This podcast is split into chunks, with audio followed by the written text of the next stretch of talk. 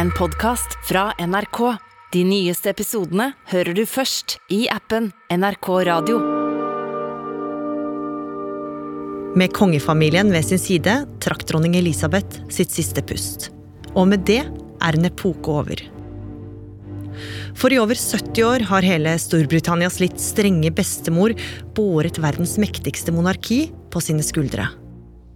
Gjennom kriger og kriser, ekteskap og skilsmisser og utallige skandaler har hun stått støtt.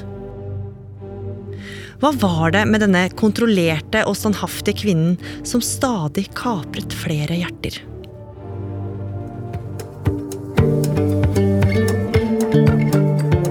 Du hører på Oppdatert. Jeg heter Gry Veiby. Det som var med dronning Elisabeth, var at alle kunne se på henne og tenke ja, jeg tror det ville vært hyggelig å tatt en kopp te med den dama. Eh, jeg tror hun ville vært noenlunde som meg. Inger Merete Hobbelstad er kulturkommentator her i NRK. Og dronning Elisabeth ble altså 96 år, og med dette så er en æra over. Jeg tror at det er veldig mange over hele verden som kjenner på et vemod nå når dronning Elisabeth er død. Ikke fordi de kjente henne, det gjorde de selvfølgelig ikke, men det kunne føles sånn. Det føles slik når et menneske lever sitt liv parallelt med ditt, når du følger et annet menneske eh, gjennom motgang og medgang med at det går litt dårlig med familien deres, at de åpenbart bekymrer seg for barna sine, eh, at de får barnebarn og etter hvert også oldebarn. Tidligere i år, i forbindelse med at hun feira 70 år på tronen, så laga Oppdatert en episode om livet hennes som monark. Her kommer den i reprise, med tidligere Storbritannia-korrespondent Espen Aas. For Elisabeth har faktisk klart da, å stable et eldgammelt monarki gjennom en enorm samfunnsomveltning fra 50-tallet til i dag, og det er det jo ganske utrolig at hun har klart. For dette var en dame som egentlig ikke skulle bli dronning. I 1936, da Elisabeth bare var ti år gammel, så skulle noen ta et valg som endra hennes liv for alltid. Den daværende kongen, Elisabeths onkel, gjorde et radikalt valg. Han valgte å abdisere, altså si fra seg kongetittelen, for å kunne gifte seg med kvinnen han elsket. After long and anxious consideration, I have determined to renounce the throne to which I succeeded on the death of my father. And I am now communicating this, my final and irrevocable decision. Og med det ble hele den kongelige kabalen lagt på ny. Og krona gikk videre til Elisabeths far, og dermed ble ti år gamle Elisabeth den neste i rekka. Og denne unge prinsessen som da hadde gått og drømt om å gifte seg med en bonde og flytte ut på landet med masse hunder og hester som hun var veldig opptatt av, fikk hele livet kastet om.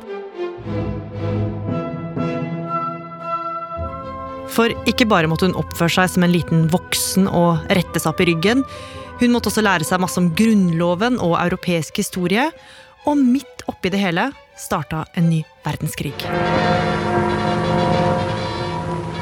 Britain's final warning to Hitler having been ignored, a state of war once more exists between Great Britain and Germany. Og med krigen fikk Elisabeth, som fortsatt var et barn, plutselig en ny og viktig rolle for nasjonen. Her Royal Highness Princess Elizabeth. In wishing you all good evening, thousands of you in this country have had to leave your homes and be separated from your fathers and mothers. My sister Margaret Rose and I feel so much for you, as we know from experience what it means to be away from those we love most of all. De bodde i slottet i London, Buckingham Palace, da tyskerne begynte å bombe eh, hovedstaden sønder og sammen, og sammen med søsteren Margaret flyttet de ut av byen og til Windsor Castle, som ligger da rett utenfor eh, London.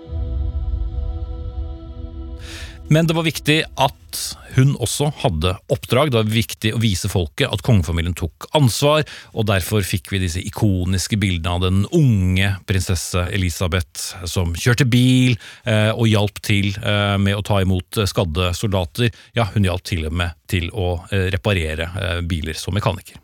When the training center was visited by the King and Queen and Princess Margaret, They found Princess Elizabeth in overalls working on the engine of a Red Cross lorry. The Princess Elizabeth, honorary second subaltern, ATS, is now a competent mechanic and proud of the fact. Og den 8. mai 1945 senka freden seg over Europa.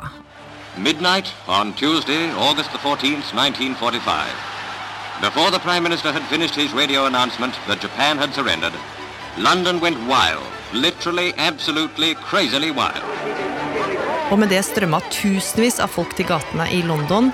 Og idet det mørkna ute, trakk Elisabeth uniformslua langt ned i ansiktet, og hun og søsteren Margaret de sneik seg ut og feira sammen med helt vanlige folk hele natta. Et par år etter krigen så skulle den ellers så lydige Elisabeth virkelig trosse familien sin, Espen. Og det handlet selvfølgelig om kjærlighet, som er blant de få store kontroversene gjennom eh, denne eh, familien. Hun var eh, veldig forelsket, og etter hvert forlovet hun seg da med sin tremenning Philip. Men det var mange som var imot dette ekteskapet med mannen fra Mountbatten-familien. Han hadde en noe broket eh, familiebakgrunn, både på eh, mors og fars side. Dramatisk oppvekst, men det som kanskje var det aller vanskeligste, var at hans søstre var gift inn i den tyske adelen, med bindinger til Nazi-Tyskland. Men Elisabeth hun hadde bestemt seg og valgte å ikke høre på familien. Og i slutten av november 1947 så fikk hun sin Philip. I pronounce that they be man and wife together in the name of the Father and of the Son and of the Holy Ghost. Amen.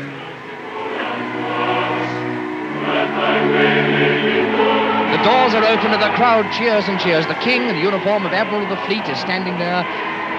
Listen. Og var det noe utarmede, slitne briter trengte, så var det noe hyggelig, og hva er vel da bedre enn et uh, kongelig bryllup? Den unge, flotte kongefamilien, staute prins Philip, som uh, mange kvinner syns var en flott mann, og selvfølgelig da prinsessen Elisabeth. Året etter fikk de sitt uh, første barn, prins Charles, så kom prinsesse Anne, og så flyttet familien til Malta. Og en stund minnet kanskje dette livet de hadde om et helt vanlig liv for en kone og en mann, men det skulle jo snart skje andre ting. Ja, for en februardag i 1952 skulle det skje noe som snudde opp ned på Elisabeths liv. The heart of the nation stops. The flags lower in tribute. Over the Mother of Parliaments, high over Big Ben. The flag is low as the news spreads. The king is dead. Storbritannias konge, George 6., faren til Elisabeth, var død. Og med det var hun blitt en av verdens mektigste. It was a tragic homecoming, on the same spot where, a week ago, there had been a happy departure. Elizabeth II, queen of this realm and of all her other realms and territories, head of the Commonwealth, defender of the faith.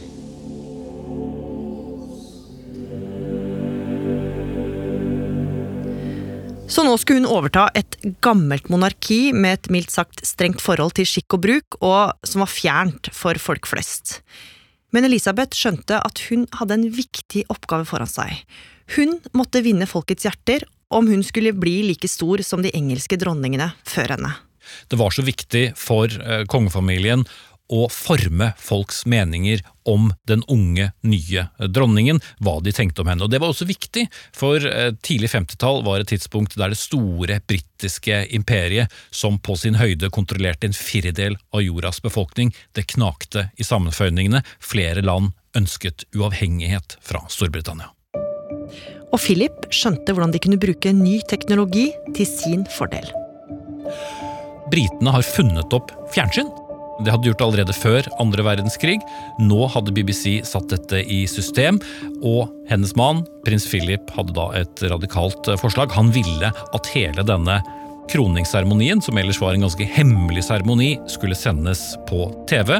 Det var jo naturlig nok aldri blitt gjort før, og det var da invitert medier fra hele verden for å dekke dette. Men derfor så måtte også hele seremonien bli noe spesielt. Den måtte bli spektakulær, den måtte være visuell, for dette skulle sendes på TV. Derfor står det heftig aktivitet i forkant. Hvordan skal vi gjøre dette? Og det ble da funnet på ekstra seremonielle ting som aldri tidligere hadde vært en del av disse kroningsseremoniene. Gangen opp til podiet eh, inne i, eh, i, kirken hvor hun skulle sitte, ble nøye planlagt, for alt måtte sitte. Det skulle kringkastes overalt. Og 2. juni 1953 var dagen kommet. Leaving her home on what must surely be the greatest day of her life, Queen Elizabeth drives to her coronation. Folk hadde møtt opp langveisfra og fulgte spent med den gullbelagte hestevognas ferd fram til den staselige kirken. Imagine, if you can, our young queen's feelings. I en lys prinsessekjole der hver gullbroderte blomst skulle symbolisere alle landene under Storbritannia, steg en ung og alvorlig Elisabeth ut. Over kjolen hadde hun en mange meter lang rød kappe.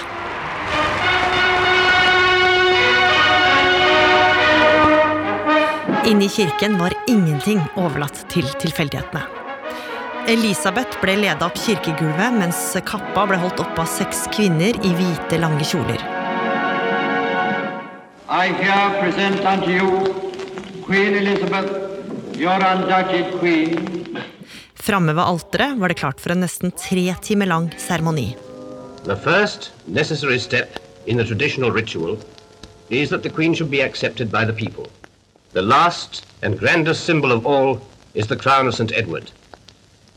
The climax of the ceremony has arrived when the Archbishop gently sets this splendid emblem on the Queen's head.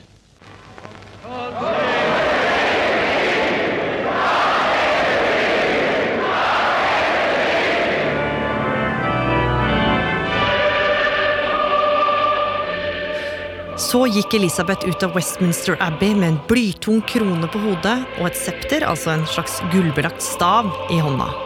Og med det var hun dronning.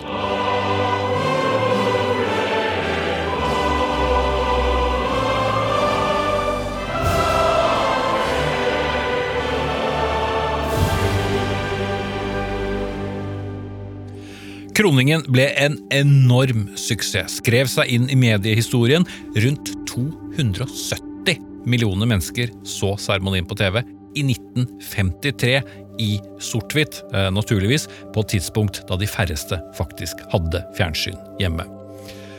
Det ble sendt jagerfly med opptak over Atlanterhavet, så de skulle få se det i Canada, som var en av de gamle koloniene, for det måtte jo sendes der også. Og om Elisabeth 2. ikke allerede var verdens mest kjente person, så ble hun det da.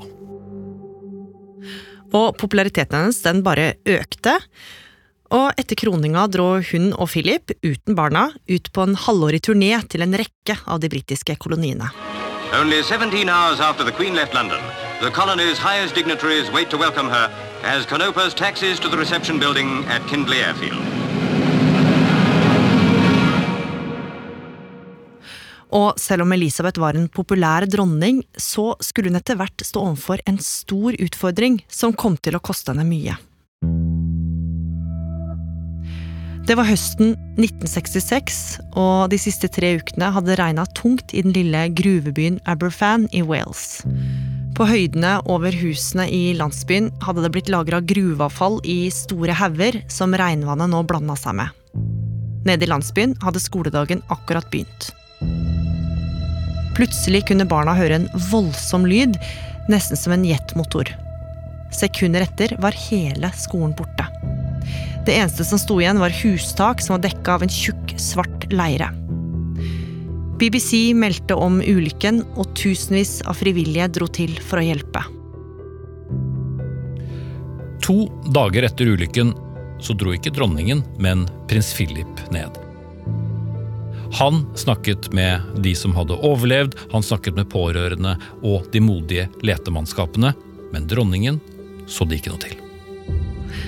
Og etter flere dager med hektisk redningsarbeid ble det klart at 140 personer hadde mista livet, og 116 av dem var barn.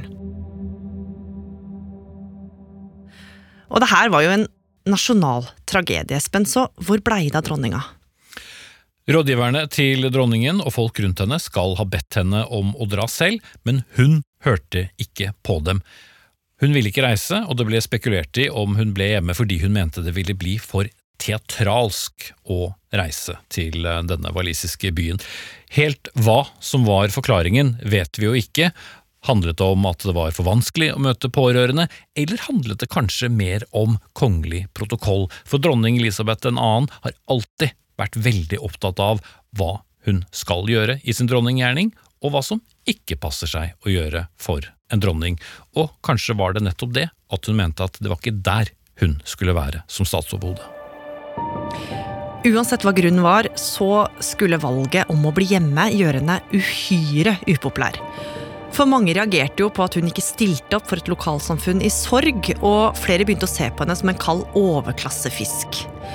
Og etter hvert så ble misnøyen såpass stor at eh, dronninga måtte snu Espen. Hun hadde stått på sitt, så gjorde hun ikke det lenger. Hun ble med sin ektemann, prins Philip, reiste ned, satt i en halvtime i stillhet med en kvinne som hadde mistet hele sju medlemmer av sin egen familie. Og i ettertid så har hun uttrykt at at hun ikke reiste ned tidligere, er noe av det hun angrer mest på.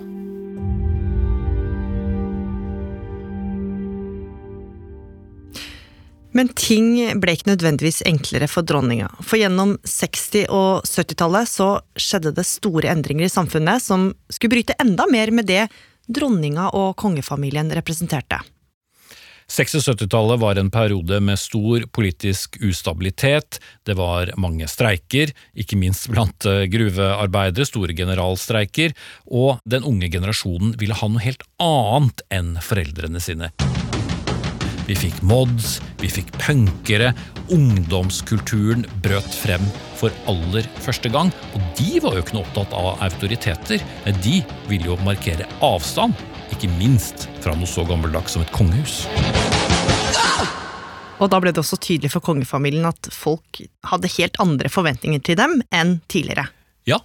I klassesamfunnet England og for så vidt også Storbritannia så følte mange at kongefamilien var noe som var langt vekk fra dem, det var et lukket hus, det hadde gått ut på dato, og det var ikke noe som hang med i den nye tiden. De var heller opptatt av store kjendiser, musikkartister, skuespillere, også andre. Kongefamilien var noe helt annet, og fra en helt annen tid. En som forsto at tiden var i ferd med å endre seg, var en veldig viktig mann, nemlig dronning Elisabeths pressesekretær, som var den som var med på å forme folkets oppfatning om kongefamilien. Og han hadde en idé, han ville lage en TV-dokumentar som fulgte verdens mest berømte familie, men da i de private sammenhengene. Altså en slags tidlig Kardashians. ja, dette TV-teamet fulgte da familien i over ett år. De fikk gå i bakgrunnen og filme, for det meste iallfall, det de ville, innenfor sømmelighetens grenser. Og dette ble klippet sammen til en lang dokumentar, 105 minutter over halvannen time, som ble sendt på TV. It is extremely difficult sometimes to keep a straight face when the Home Secretary said to me, uh, there's, a, there's a gorilla coming in. So I said, you know, what an extraordinary remark to make, very unkind about anybody. And uh, so, you know, I stood in the middle of the room and pressed the bell and the doors opened, and there was a gorilla. Og Her kunne jo da britene selv og også andre få se denne myteomspunne familien i helt vanlige settinger i den grad noe er vanlig rundt et uh, kongehus. De så en audiens, det var et uh, hageselskap, og enda litt mer privat, som grilling på slottet Balmoral i, i Skottland, hvor prins Philip var den som sto for selve grillingen, og så spiste de da en liten lunsj sammen som en tilsynelatende helt vanlig familie. The salad is ready. This is a season. Men folk elsket dette, man hadde aldri sett noe sånt, og idet pausen kom, i hvert fall ifølge historien, så gikk mer eller mindre alle på do samtidig, og det ble vannmangel i London da de spylte ned.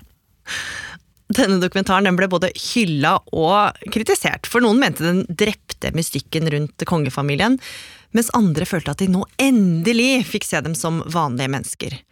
Og om Elisabeth selv likte den eller ikke, det veit vi ikke, men under ti år seinere så sørga hun for at den ble forbudt, og aldri ble vist på TV igjen. Men prosjektet med å folkeliggjøre dronninga stoppa ikke der. Nei, og denne gangen så var det dronningen selv som eh, fikk en uh, idé. Frem til nå så hadde de kongelige besøkende, særlig i utlandet og i det som nå var samveldelandene, de tidligere koloniene, bestått i at man kjørte en bil gjennom en paradegate full av folk som vinket og hyllet eh, de kongelige. Men eh, da de reiste til eh, Australia, viktig del av det gamle britiske imperiet, og nå viktig del av samveldet, så introduserte hun noe helt nytt, nemlig en walkabout. Da skulle de ikke sitte i denne åpne bilen og vinke eh, litt stivt til, til folk rundt. Nå skulle de faktisk gå noe som for mange var helt uh, uhørt, og ikke minst de som passet på sikkerheten. selvfølgelig. De skulle håndhilse på folk, snakke med dem, og dette var starten på noe nytt som var viktig for dronningen, komme nærmere folket. De følte kanskje ikke at de var så nærme de kongelige, de såkalte undersåttene, men nå var hun der nede sammen med dem, noe som aldri før hadde skjedd. Og folk elska det. Plutselig kunne hvem som helst ta verdens mektigste i den hanskekledde hånda. Men det skulle ikke ta lang tid før hun fikk en reell utfordrer. For inn fra sidelinja spaserte en ung, vakker og sjarmerende kvinne som virkelig skulle vinne folkets gunst.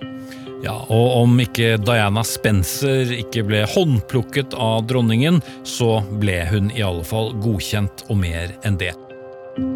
Prins Charles var jo en, om ikke akkurat attraktiv ungkar pga. sin karisma, så var han jo en prins, hadde datet mange forskjellige kvinner. Ikke alle falt i smak, men denne unge, stille, sjenerte Diana Spencer, hun hadde noe kongelig over seg. Hun hadde det mange av forgjengerne manglet. Det å forstå kongelig etikette, det å forstå overklassen, det gjorde hun, det likte dronningen, og så var hun jo så ung, så hun var også lett å forme. Og fort havna dronninga og mange andre i kongefamilien i skyggen av den nye prinsessa. For Diana hun fikk jo en helt egen kontakt med folk. Hun var helt annerledes. Hun eh, var ikke så stiv som det de andre medlemmene av kongefamilien, ikke minst hennes egen mann. Folk ville ha Diana. Folk var helt ekstatiske da de ble kjørt gjennom Londons gater. Three cheers for Lady Di! Hip, hip.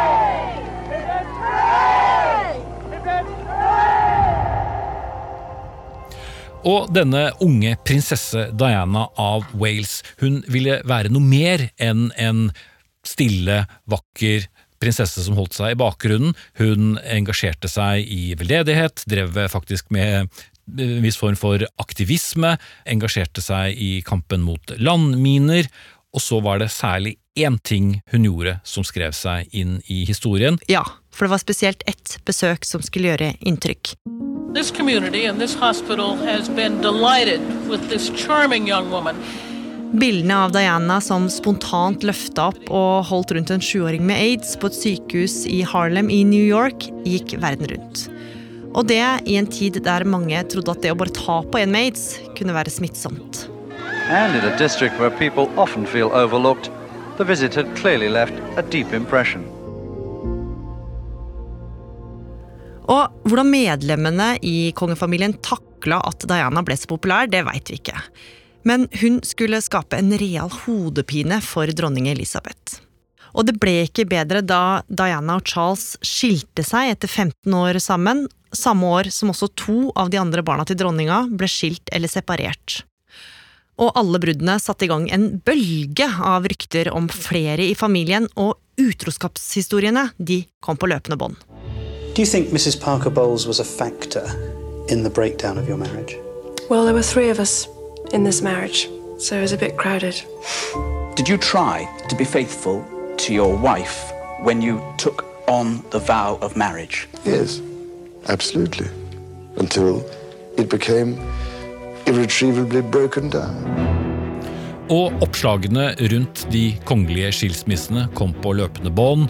Britiske tabloidaviser er verdens minst nådige, eh, og de smurte da opp bilder av eh, disse fallerte eh, ekteskapene og hovedpersonene, og fokuset handlet om helt andre ting enn den kongelige gjerning. Og ikke nok med alt det, samme år, i 1992, skulle det også være en stor brann i slottet Windsor. Og dronning Elisabeth ga en brutalt ærlig oppsummering av det som hadde vært et forferdelig år for henne. 1992 is not a year on which I shall look back with undiluted pleasure. In the words of one of my more sympathetic correspondents, it has turned annus horribilis. Men bare fem år seinere skulle det bli enda verre. For plutselig sto kongefamilien midt i en opprivende tragedie som skulle ryste en hel verden. Diana, Princess of Wales, has died after a car crash in Paris. Normal programs have been suspended while we bring you the latest developments throughout the morning. Bilen prinsesse Diana satt i, hadde stor fart. Sjåføren mista kontrollen og kjørte inn i betongveggen. Og måten dronning Elisabeth takla dette dødsfallet på, det sjokkerte folk så mye at mange aldri ville glemme det. Folk kom fra fjern og nær for å legge ned blomster, både på Kensington Palace, der prinsesse Diana hadde bodd, og også utenfor Buckingham Palace. Men etter hvert som dette blomsterhavet vokste, la pressen merke til én ting, nemlig flaggstangen på toppen. Det var ikke noe flagg på halv stang, slik man gjør når et medlem av kongefamilien var gått bort. Problemet var jo at hun ikke lenger var en del av kongefamilien. For kongefamilien selv, men for resten av folket så var hun jo deres prinsesse. Raseriet vokste blant folk. Avisene hadde store krigstyper hvor det sto 'Har kongefamilien i hele tatt et hjerte? Vis oss at du bryr deg', med direkte adresse til dronningen selv. Og den velkjente og beryktede tabloidavisen The Sun hadde overskriften 'Hvor er vår dronning? Hvor er flagget?' Men det var dørgende stille fra kongefamilien, som var langt unna. De var på yndlingsslottet Balmoral i Skottland. De reiste ikke ned for å møte det sørgende folket. Men én mann forsto hva han måtte gjøre, den nyvalgte Arbeiderparti-statsministeren Tony Blair. Han døpte prinsesse Diana til folkets prinsesse. Han arbeidet i kulissene for å overtale dronningen til å komme tilbake til London og møte folket.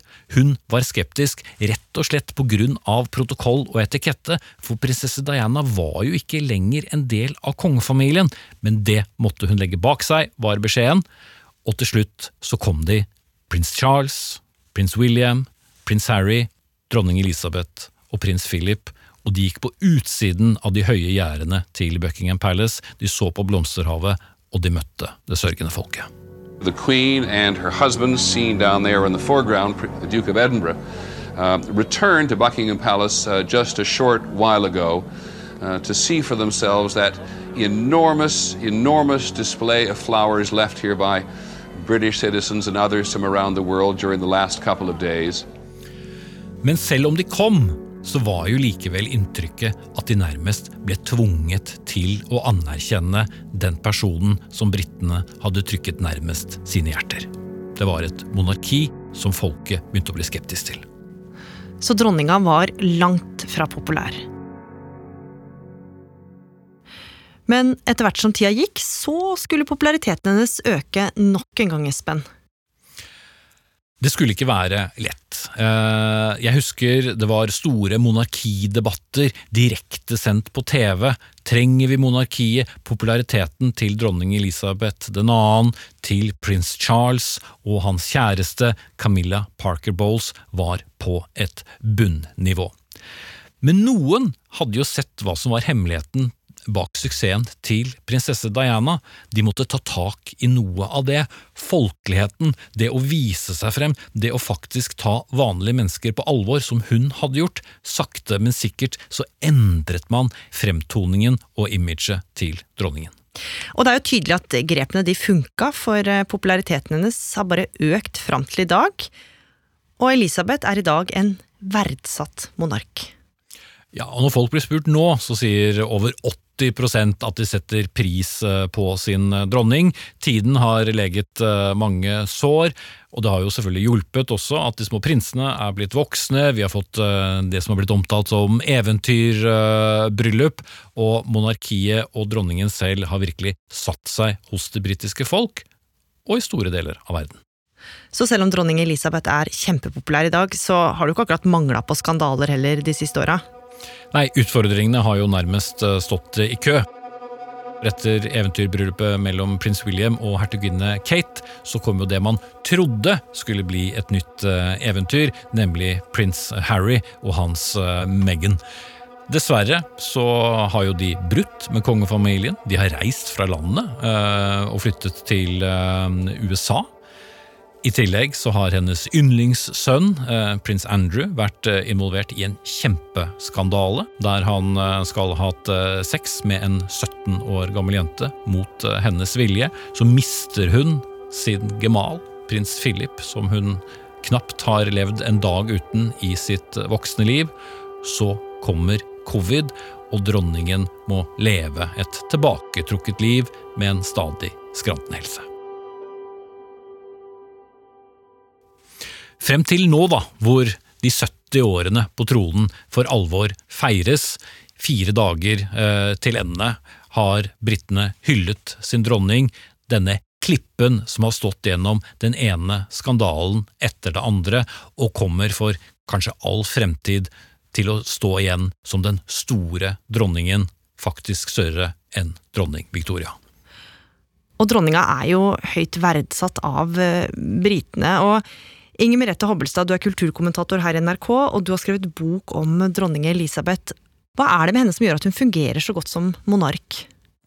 Altså, Hvis du først skulle ha en person som skulle sitte på tronen i 70 år, så tror jeg egentlig ikke du kunne fått en så mye bedre egnet person enn dronning Elisabeth, sånn ut fra hennes personlighet og gemytt.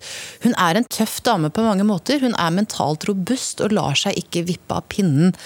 Eh, hun er nok også en person som i liten grad fantaserer om hvordan livet ellers kunne vært.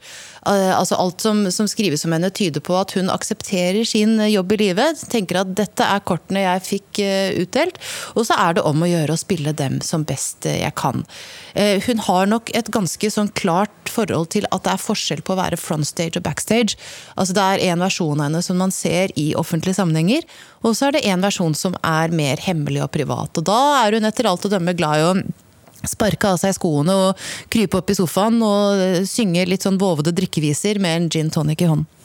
Og, neste i arverekka nå, det er jo prins Charles. På langt nær så populær som sin mor.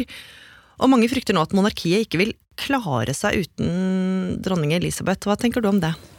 Altså, Jeg tror du aldri skal undervurdere huset Windsor. Det har man gjort i så mange år. Altså, På 70-tallet sa man at nei, nå vil man ikke ha monarki mer. Da prinsesse Diana døde, så sa man at dette var slutten for dronning Elisabeth og hennes familie. Eh, da prins Harry og, og, Meghan Markle tok steg ut av kongefamilien, så sa man kan monarkiet overleve etter dette. Og ja da, et år etter, noen år etter så står de der på balkongen igjen. Det er store menneskemengder eh, utenfor som, som vinker og jubler. Eh, så disse menneskene og denne institusjonen skal ikke undervurderes.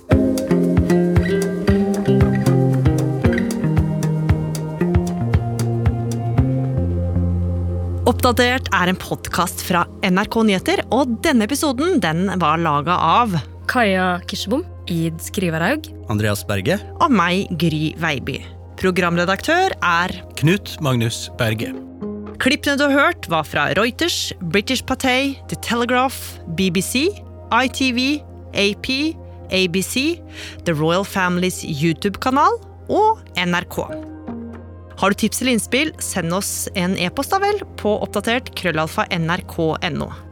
Og du, liker du det du hører, så må du gjerne tipse en venn om oss. En podkast fra NRK. Alle utenfra tror jo at dette er noe vi har funnet på. Hei, jeg heter Kristi Hol. Over hele landet finnes det oløste mysterier. Straks ble hun angrepet av en stor bjørn. Oss tar det med dit de oppsto, og forteller historiene. Jeg var antagelig sist, kanskje, den siste sesongen i livet. Møt dem som har kjent det på kroppen. Hun var råtten i ansiktet. Det kom bare sånn surklelyder ut av henne. Mysterier fra Norge hører du først i appen NRK Radio.